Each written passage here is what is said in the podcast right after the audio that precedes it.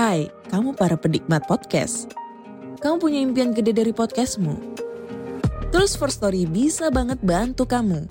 Mulai dari F-Link, Dynamic Audio Insertion, sampai statistik yang komprehensif. Semua ada di First Story. Gak ketinggalan kamu bisa monetisasi podcastmu lewat iklan dari First Story Ads yang bisa kasih kamu penghasilan dari setiap place podcastmu. Yuk gabung sekarang dengan klik di firststory.me. Sekali lagi, klik di firststory.me. Mari kita bawa mimpi podcastingmu menjadi kenyataan. Hello? Hello? Podcast Network Asia. Network Asia.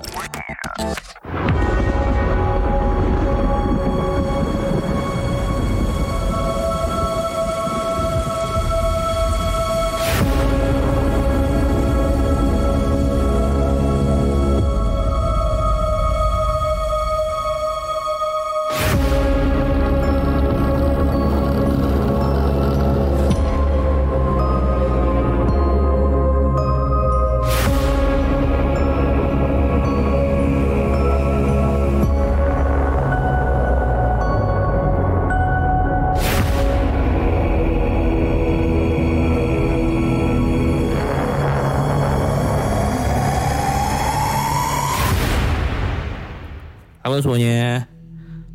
Balik lagi dengan gue di sini Iksan sebagai pemandu kalian untuk 15 menit hingga 30 menit ke depan. Selamat datang di podcast dengerin horor, podcast kesayangan generasi X dan generasi milenial. Kenapa? Lu mau ngebantah? Gak bisa men. Gue punya buktinya. Buktinya kemarin gue pas lebaran kemarin pas silaturahmi paman gue dengerin. Tante gue dengerin. Coba. Nggak bisa men. Gue udah udah udah dipastikan podcast gue ini udah podcast kesayangan generasi X dan generasi milenial. Oke. Okay? anyway ngomongin soal treat horror ya. Jadi kemarin tuh rame gitu di TikTok. Ini gue pengen bahas sedikit aja sih. Agak, agak keresahan gue aja sih. karena di TikTok tuh banyak video yang ngomongin soal treat kakak desa penari. Simple man ya walaupun gue nggak ada andil ya dalam akun itu tapi gue pengen ngeluarin unek-unek gue aja gitu. Kalau katanya itu tuh sebenarnya skrip. Terus kenapa kalau misalnya uh, kejadian kayak gitu sampai ada kematian kenapa nggak dilaporin gitu? Ya dalam hati gue sampai sekarang aja ada bahkan oknum-oknum yang berusaha buat tutupin hal seperti itu gitu. Dan akun Simpleman ini udah bilang kalau sebenarnya dia memang untuk menceritakan kembali pengalaman dari dari orang gitu. Cerita yang diceritakan kembali gitu kan melalui tweet di Twitter. Dan menurut, menurut gue ya fine fine aja gitu. Kalau misalnya dibuat sebagai film gitu kan. Buktinya orang antusiasmenya juga banyak gitu. Dan juga emang Simpleman gak ada niatan buat bikin film gitu. Gue gue ngikutin dari awal dia. Soalnya dia dari awal emang emang cuma pengen cerita gitu. Dari awal pengen buat akun itu bahkan gue juga baru buat akun baca horor gitu kalau lo tahu ya. Jadi baca horor tuh masih followersnya masih sepuluh ribuan terus dia juga baru bikin akun sekitar 1000 follower atau 50 ada atau 5000 followers gitu. Pokoknya baru-baru bikin akun lah. Nah itu dia bilang dia minta tolong di retweet terus ya kan dia ngetek baca horor dia terus gua retweet. Nah akhirnya booming ceritanya gitu kan. Ya jadi nggak ada niatan buat emang pengen viral gitu. Eh ternyata viral beneran gitu kan. Jadi ya udahlah men. Lu kalau misalnya iri ya jangan begitulah rezeki orang tuh udah diatur masing-masing. Kalau iri bilang bos gitu. Iri bilang bos. Ini ya buat netizen netizen sana ya yang iri dengki. Kurang-kurangin iri dengkinya kan ya kawan-kawan ya. Lu lu punya rezeki masing-masing men. Jadi ya udah. Kita punya rezeki masing-masing. Nggak bisa ya nggak bisa disalahin satu pihak gitu. Oke. Okay? oke okay, kita balik ke tweetnya tweet yang bakal kita baca pada hari ini pada siang ini pagi ini malam ini di mana pun kalian saat ini mendengarkan, kapan pun kalian saat ini mendengarkan, semoga dalam keadaan sehat walafiat. Oke. Judulnya adalah Keluarga Pemelihara Tuyul. Sebuah kisah mistis dari daerah Probolinggo. Kali ini aku akan membawakan kisah yang sempat membuat warga di kampungku resah pada sekitar tahun 2011. Ya, kampungku berada di kota Probolinggo, Jawa Timur. Oh ya, gue lupa. Jadi tweet ini dibawakan atau ditulis oleh akun Twitter @chandrayuri. Jadi Chandra Yuri ini kampungnya di Probolinggo, Jawa Timur. Siapa yang dengerin ini kampungnya Probolinggo, Jawa Timur? Angkat kaki. gak, enggak. gak, enggak. Oke, saat itu aku masih posisi liburan kuliah atau proses pengerjaan skripsi, yang mana lebih banyak waktuku berada di rumah orang tua daripada di kosku di Jember. Singkat cerita, aku di rumah orang tuaku tinggal bersama mama, papa tiri, aku dan adik kandungku. Papa tiriku ini memiliki usaha jual beli mobil bekas yang notabene agak sering menyimpan uang cash di rumah. Uang cash itu dari hasil penjualan mobil yang diacarakan selepas maghrib, yang mana tidak sempat kita setorkan ke bank hari itu juga.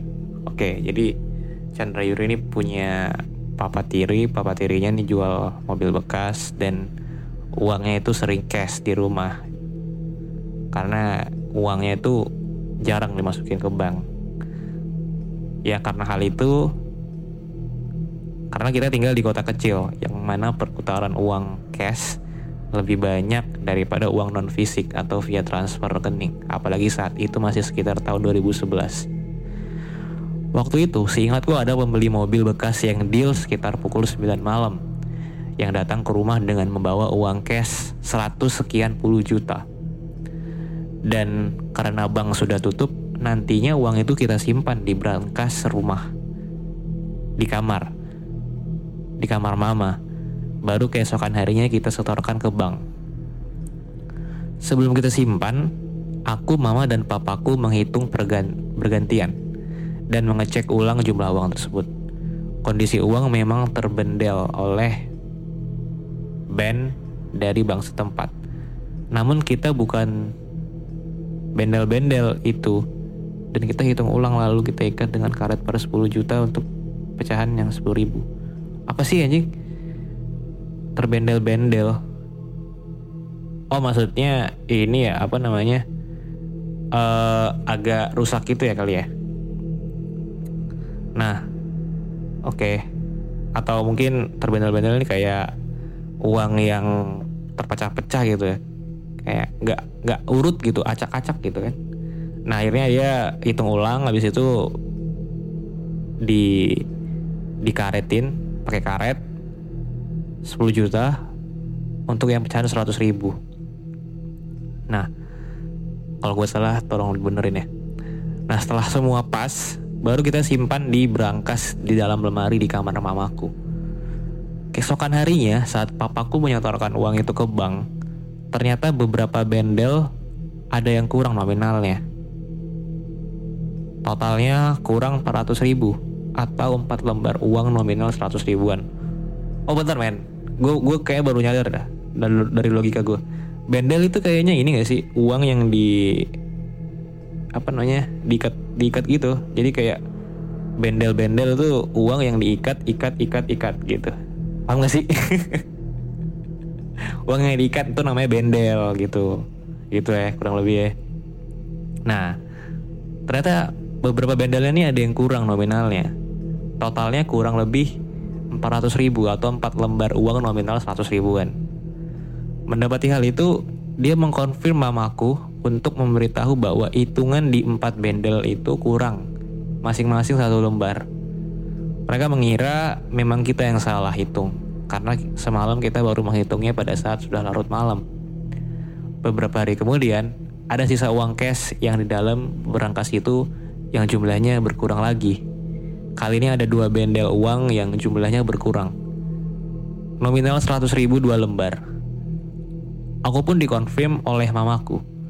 Dengan nada sedikit menuduh karena hanya aku, mama, dan papa yang tahu kombinasi berangkas di kamar mama. Aku menyanggah. Lah, kapan aku yang masuk kamar mama? Ujarku. Keesokan harinya, ada lagi bendelan uang yang berkurang satu lembar dengan nominal yang sama.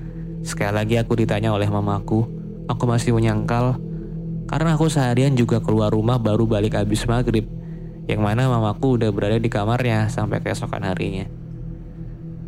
Merasa tak merasa ada yang tidak beres, uang cash di berangkas tersebut dikeluarkan semua dan dihitung ulang.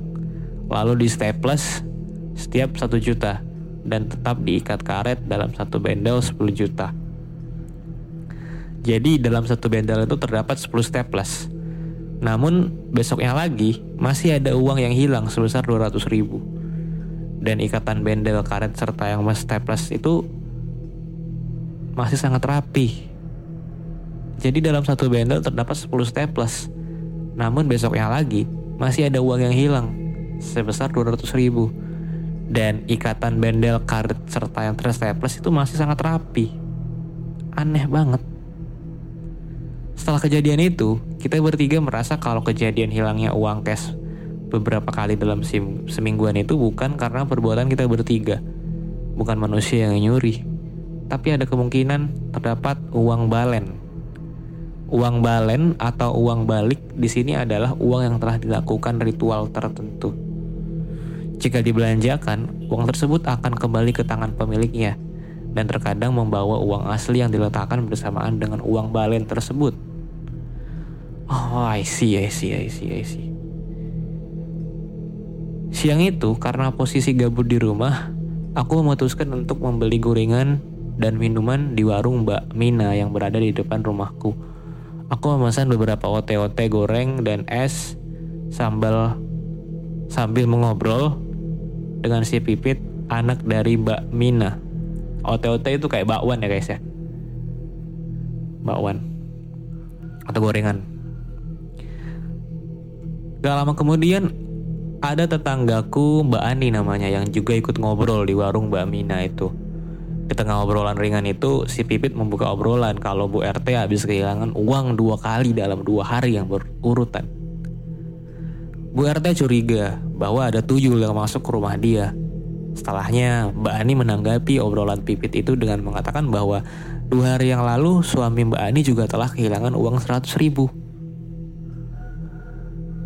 Loh Pit, suamiku loh juga habis kehilangan duit. Jadi dia kan habis pulang dari trayek Bali Probolinggo. Itu uang bayaran dari majikannya itu hilang 100 ribu. Dan itu juga satu lembar di dompet dia. Jadi sisa beberapa lembar uang 50 ribu doang ujar Mbak Ani. Mbak, di rumahku loh, juga beberapa hari ini uang mamaku hilang. Tapi nggak banyak mbak, paling banyak dua lembar seratusan, balasku. Aku curiga itu tuyul deh, Ndra. Lah ini yang hilang juga sama-sama uang nominal 100 ribu, kata Mbak Ani. Kalau aku nggak curiga tuyul sama sekali sih mbak. Aku kira ya uang balen, lah emang itu uang dari penjualan mobil mbak Siapa tahu di dalamnya kecampur uang balen itu Ujarku Loh mas Kata Bu RT itu anaknya yang kecil sempat terbangun dan ketawa-ketawa tengah malam. Ditanyain bilangnya ada temen dia lewat. Paling itu yang dilihat tuyul mas. Sambung pipit. Alah udahlah. Toh kita nggak ada yang tahu itu perbuatan tuyul. Tapi aneh sih kalau kita kehilangan uang yang hampir bersamaan kayak gini, balasku. Sesudah mengobrol di warung Mbak Mina itu, aku pulang ke rumah. Di kamar, aku sempat memikirkan apa yang diomongin si Pipit tadi. Apa iya di kampung gua ada yang memelihara tuyul? Selepas mamaku pulang kerja, aku menceritakan ulang kepada mamaku soal obrolan beberapa warga yang kehilangan uang itu. Dan ternyata mamaku juga sempat dengar kalau Mbak Imah yang jualan baju kreditan door to door itu juga kehabisan uang cashnya. Kehilangan uang cashnya. Buset, tuyul semua aja diambilin bro. Gile. Udah berapa orang nih? Tiga korban. Ya kan? Mamanya Chandra. Bu Ani. Terus Mbak Imah yang jualan baju kreditan. Buset, buset. Selama 4 hari dia kehilangan 400 ribu. Tiap harinya hilang satu lembar uang nominal 100 ribu. Makin mengerucutlah kejadian di rumahku yang beberapa hari ini kehilangan uang. Sore itu aku diminta tolong mama untuk menyetorkan saja uang di dalam berangkasnya KTM setor tunai. Aku pun mengiyakan sebagai antisipasi nantinya takut hilang juga. Mama juga minta tolong kepadaku untuk menukarkan nominal 100 ribu menjadi 50 ribuan juga dari uang dompetnya. Namun ada yang terlupa ternyata uang di dompetku masih ada yang belum kutukar. Alah batinku uangku cuma 250 ribu yang nominal 100 ribu hanya satu lembar. Gak mungkin hilang menurutku malam itu. Keesokan paginya, karena aku kepo, bangun tidur aku cek dompet, ternyata uangku hilang juga. Dan hilang yang nominal 100 ribu satu lembar. Duh, perasaanku waktu itu kesal banget ya, dan menyesal juga. Kenapa kemarin sore aku nggak menukarnya dengan nominal 50 ribu saja? Hmm. Siangnya aku kembali ke warung Mbak Mina. Aku mengobrol dengan Mbak Mina siang itu. Aku bilang kalau uangku hilang juga. Kemudian Mbak Mina memberikan aku saran seperti ini. Dra, coba ya nanti nanti malam pintu depan rumahmu atau pintu kamarmu kamu taburin bedak. Lah untuk apa mbak? Balasku. Ya nanti kalau ada maling atau tuyul masuk, siapa tahu ada jejaknya. Jawabnya sambil sedikit terkekeh. Mbak Mina ada-ada aja sih, jawabku. Gak lama kemudian si Mbak Ani kembali bergabung di warung Mbak Mina. Kita makan gorengan dan ngobrol lumayan lama waktu itu. Dan sejurus kemudian ada tetanggaku yang lewat depan rumahku. Si Mbak Cahya yang lewat dengan menenteng kresek kecil. Dari mana mbak? Sini loh mampir warungku.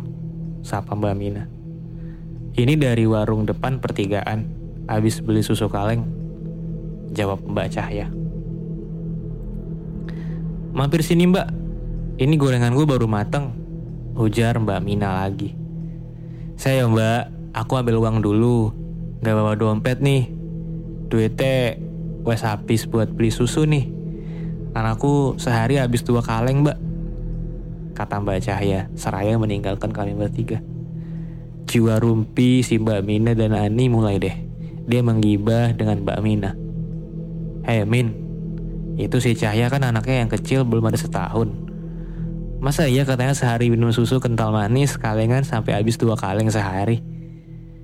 Iya sih, anaknya yang pertama baru umur lima tahun. Ujar Mbak Ani. Lah, iya Mbak Ani. Mas Yo sombong, kok nggak rasional? Balas Mbak Mina. Eyo ya Min, mana si Cahyaiku kurus banget. Kering kerontang gitu ya sekarang. Ujar Mbak Ani lagi. Oh Mbak Ani, nek kurus banget gitu mungkin gak keluar asinya. Makanya kan dia beliin susu kental manis buat anaknya. Jawab Mbak Mina. Aku pun asal menyeletuk. Paling dia punya ingon-ingon atau peliharaan tuyul mbak. Gak kuat nyusuin, makanya sampai kurus banget gitu. Mana sampai beli dua kaleng SKM setiap harinya gitu. Lanjutku sambil tertawa. Eh, bisa jadi Londra. Lah, dia kalau jualan salah satu tangannya di belakang. Jawab Mbak Ani. Loro boyo iku mbak, sakit punggung. Wong kurus ngono kok kakean digarap. Celotehku. Khusus. Eh, tapi aku curiga juga emang sama Cahya itu. Dia tiap azan maghrib selalu keluar rumah loh. Kok kayak wajib tiap harinya harus keluar pas azan maghrib. Mana rumahnya juga tutup kan? Ujar Mbak Ani. Udah, udah. Ojo ras-rasan mbak.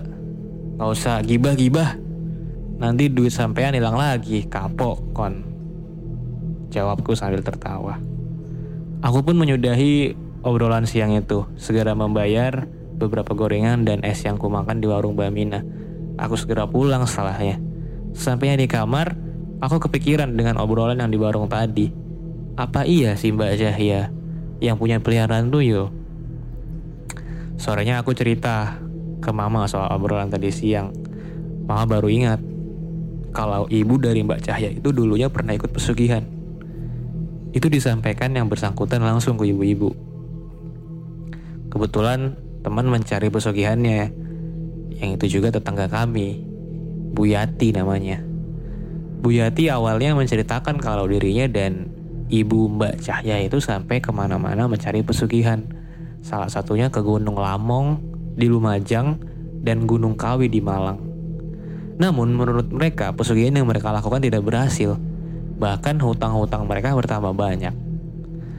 Namun itu dulu, sedangkan sekarang rumah induk yang ditempati oleh Mbak Cahya beserta suami dan ibunya kini sudah bisa dikatakan sangat bagus. Tembok depan rumahnya dipasangin keramik hijau sampai setinggi atap. Dan untuk bagian dalam rumahnya aku nggak tahu, karena rumahnya jarang terbuka setiap waktu. Kaca jendelanya juga berwarna hitam dan gordennya lebih sering menutup. Mbak Cahya sendiri memiliki dua motor dan satu mobil di rumahnya. Dia tidak bekerja, ibunya hanya berjualan kelapa di pasar, dan suami Mbak Cahya hanya seorang montir di bengkelnya sendiri. Bengkel motor itu juga tidak pernah terlihat ramai, Ya kami awalnya sama sekali tidak menaruh curiga terhadapnya. Sore itu aku dan mama membahas keluarga itu di teras rumahku.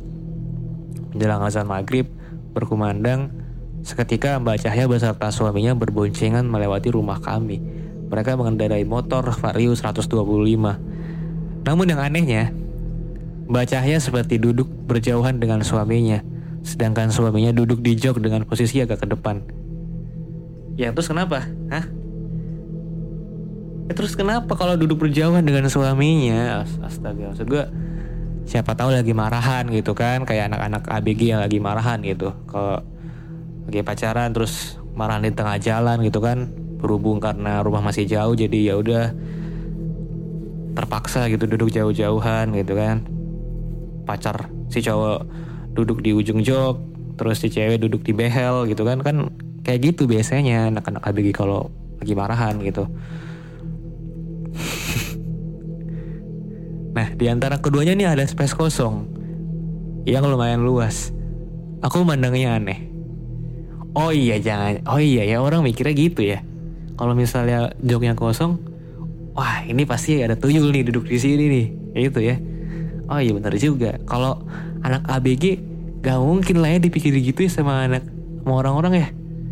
Anak ABG pacaran gitu kan. Terus lagi lagi berantem gitu kan duduknya jarak-jarakan wah ini pasti lagi pelihara tuyul nih lagi bawa tuyul nih nggak ada nggak ada nggak ada nggak mungkin nggak mungkin mana ada anak KBG pelihara tuyul pelihara cupang adanya ini nggak ada nggak ada nah ini masuk akal sih ini siapa tahu ya kan siapa tahu itu di antara mereka berdua ada tuyul yang lagi yang lagi sama mereka lagi mau jalan gitu kan Ma, mama mama itu loh mbak Cahaya kok boncengan jauhnya ya Boncengan jauh-jauhan ya? Eh, jangan gibain orang kamu. Biarin apa sih? Jawab mama. Maksudku itu bukan ngira mereka berantem loh mah. Tapi kayak ngebonceng kosongan gitu di antaranya. Lah, tadi kan mereka nggak bawa kedua anak ya? Ujarku. Alah, alah. Biarin lah. Kok kamu yang kepo sih? Udah, ayo masuk rumah. Sholat maghrib. Jawab mama. Aku pun semakin kepo dengan keluarga Mbak Cahya itu. Aku memberanikan berencana esok hari mau mengamati dan memastikan lagi kalau Mbak Cahaya dan suaminya memang benar keluar setiap maghrib. Keesokan harinya pun aku melihat dari jendela ruang tamu rumahku kalau mereka berdua berboncengan dengan posisi jauh-jauhan lagi dan juga waktu menjelang azan maghrib berkumandang. Begitupun dengan hari-hari berikutnya, mereka mengulang terus kegiatan bermotoran di kala surup-surup itu. Setelah beberapa hari kemudian, tepatnya kurang lebih pukul setengah empat pagi sebelum subuh, aku terbangun dari tidurku. Saat itu di luar masih gerimis. Depan rumahku ada saluran pembuangan air yang kalau di saat hujan selalu penuh karena pembuangan dari sawah belakang rumah. Tetangga depan rumah, Mbak sebelah Mbak Mina memelihara mentok atau itik serati. Mentok-mentok ini saat menjelang subuh itu sangat ramai. Kayak bunyi berkokok gitu kali ya. suara itik ya tahu sih suara itik gimana tapi nggak seperti biasanya kemungkinan kalau hanya bermain air di saluran air nggak akan seramai itu. Seperti ada orang yang bermain-main dengan mentok-mentok itu. Entah bermain atau menghalau mentok itu tapi karena penasaran aku melihat lewat jendela kamar yang arah ke depan. Ternyata benar ada anak kecil yang lagi bermain-main mengejar mentok itu. Aku tidak merasa ada yang aneh sebelumnya, mungkin karena aku masih baru bangun saat itu, namun sejurus kemudian, akalku mulai menangkap sinyal aneh. Anak siapa yang bermain di luar rumah jam segini? Dan aku curiga, kalau itu tuyul. Segera aku menuju kamar mamaku, membangunkannya dan mengatakan, Mah, bangun mah, ada tuyul di halaman depan. Mama dan papaku sontak terbangun, langsung mengikutiku di ruang tamu. Posisi kamarku memang bersebelahan dengan ruang tamu. Kami bertiga mengintip dari jendela ruang tamu. Bocil itu berdiri dan berlari ke barat, ke timur sambil mengejar mentok-mentok itu. Sesekali ketika berbalik arah, aku dapat melihat wajah dari tuyul itu. Kepalanya tidak botak penuh, masih ada rambut di bagian depan, wajahnya seperti orang dewasa. Tingginya tidak pendek-pendek banget, Bola matanya berwarna hitam, di bawah lingkar matanya juga cenderung gelap, dan gigi taringnya lumayan panjang. Berbeda dengan manusia pada biasanya. Daun telinganya juga terlihat sedikit meruncing di ujung atasnya. Tuyul itu tidak memakai baju atasan, hanya memakai celana pendek lusuh yang terlihat menggembul. Sepintas terlihat seperti memakai popok pampers anak. Di setiap tuyul itu berlarian, terdengar seperti suara gemerincing yang entah dari mana bunyi itu berasal. Rupanya tuyul itu menyadari kalau kita sedang mengawasinya. Dan segera dia berlari ke arah lain. Aku dan papaku mencoba mencari jejak ke mana arah tuyul itu kabur. Dan kita mendapati ada jejak bekas lumpur yang masih basah di teras rumah mengarah ke pintu masuk rumah itu. Yang tak lain adalah rumah Mbak Cahya. Jejak kaki bekas lumpur itu berukuran lebih kecil daripada ukuran orang dewasa. Dari situ kita langsung menarik kesimpulan kalau memang yang diguncingkan orang-orang kampung itu benar adanya. Namun hanya sekedar tahu-tahu saja kita saat itu. Dan mulai antisipasi dengan tidak menyimpan uang nominal 100 ribu di rumah alias uang yang berwarna merah. Beberapa hari berlalu, aku sudah tidak pernah mendengar kabar soal hilang dari warga sekitar. Soal uang hilang dari warga sekitar. Namun, ada yang lebih mengerikan anak-anak tetanggaku yang pulang dari mengaji, mereka melewati lompongan atau space antara rumah Mbak Cahya dengan rumah tangga sebelah. Anak-anak itu masih kecil, kurang lebih umurnya sekitar 4-5 tahun. Nah, di lompongan itu ada kuburan ari-ari bayi yang biasanya ditutup dengan kurungan ayam dan ditaburi kembang setaman dan diberi lampu. Bocil itu ada yang merasa suara dari kuburan ai, ari-ari bayi itu. Salah satu dari mereka mencoba membuka kurungan yang menutupi kuburan ari-ari itu. Kemudian mereka berenam teriak-teriak dan lari dari lompongan itu dengan histeris. Salah satu dari mereka melapor kepada ibunya bahwa di kuburan ari-ari tadi ada kepala menyeringai dengan usus berdarah yang biasa kita sebut dengan kuyang. Karena sudah meresahkan, dan tak cuma satu dua anak yang melihat kejadian itu, ibu si anak ini melapor kepada Pak RT. Kesokan harinya, Pak RT mengumpulkan orang-orang yang pada kehilangan uang secara misterius itu. Kita semua berdiskusi bagaimana caranya untuk memecahkan masalah yang meresahkan warga kampungku.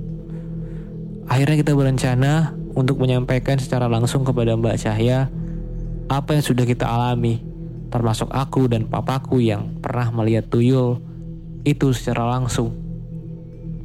Pak RT, aku dan papaku dan ibu dari anak yang melaporkan telah melihat kepala menyeringai itu bertolak menuju rumah Mbak Cahya. Kita langsung menyampaikan apa yang ada tanpa basa-basi lagi. Yang saya ingat, Pak RT memohon agar Mbak Cahya kalau memang akan tetap menjalankan pemeliharaan tuyul, itu agar tidak beroperasi di daerah sekitar kampungku. Awalnya Mbak Cahya dan suaminya mengelak, namun setelah kita menjelaskan secara detail apa yang telah kita alami beberapa hari sebelumnya, akhirnya kedua suami istri itu meminta maaf kepada kami dan berjanji akan menghentikan peliharaan mereka. Beberapa hari kemudian, beberapa bulan kemudian, Mbak Cahya telah pindah meninggalkan kampungku. Mereka berdua membeli rumah di perumahan baru di kampung sebelah. Rumah barunya juga terlihat mentereng dengan cat dominan warna merah yang begitu cerah.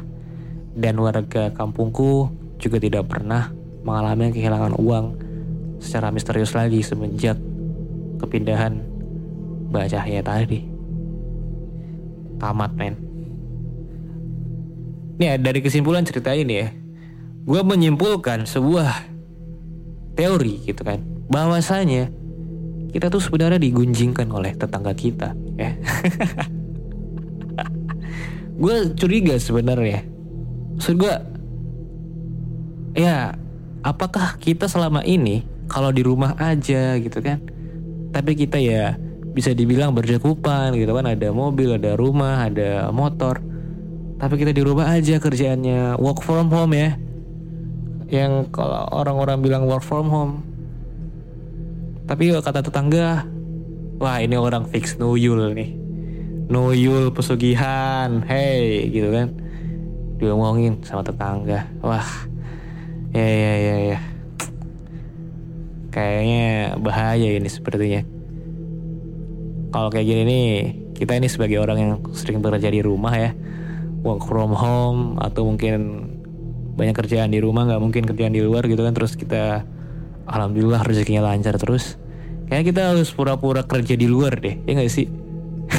Biar gak diomongin tetangga gitu. Tapi ya udah sih menurut gua kalau diomongin tetangga ya udah bodo amat gitu terserah apa kata orang gitu kan. Kalau dari gue sendiri kalau dari yang lain kalau dari kalian nggak tahu ya. Kalau menurut gue gue bodo amat sama apa yang diomongin orang lain. Gue gue nggak peduli sama sekali men. Entah itu gue nuyul kah atau mungkin pesugihan gue nggak peduli. Yang penting gue kerja halal gitu kan. Oke deh teman-teman. Udah 30 menit ya pas banget 30 menit deh itu aja dari gue gue Iksan sampai jumpa lagi di episode berikutnya. Kamis depan ya dengerin horor. Terima kasih. Dadah. Pandangan dan opini yang disampaikan oleh kreator podcast, host, dan tamu tidak mencerminkan kebijakan resmi dan bagian dari podcast Network Asia. Setiap konten yang disampaikan mereka di dalam podcast adalah opini mereka sendiri dan tidak bermaksud untuk merugikan agama, grup etnik, perkumpulan, organisasi, perusahaan, perorangan, atau siapa pun dan apa pun.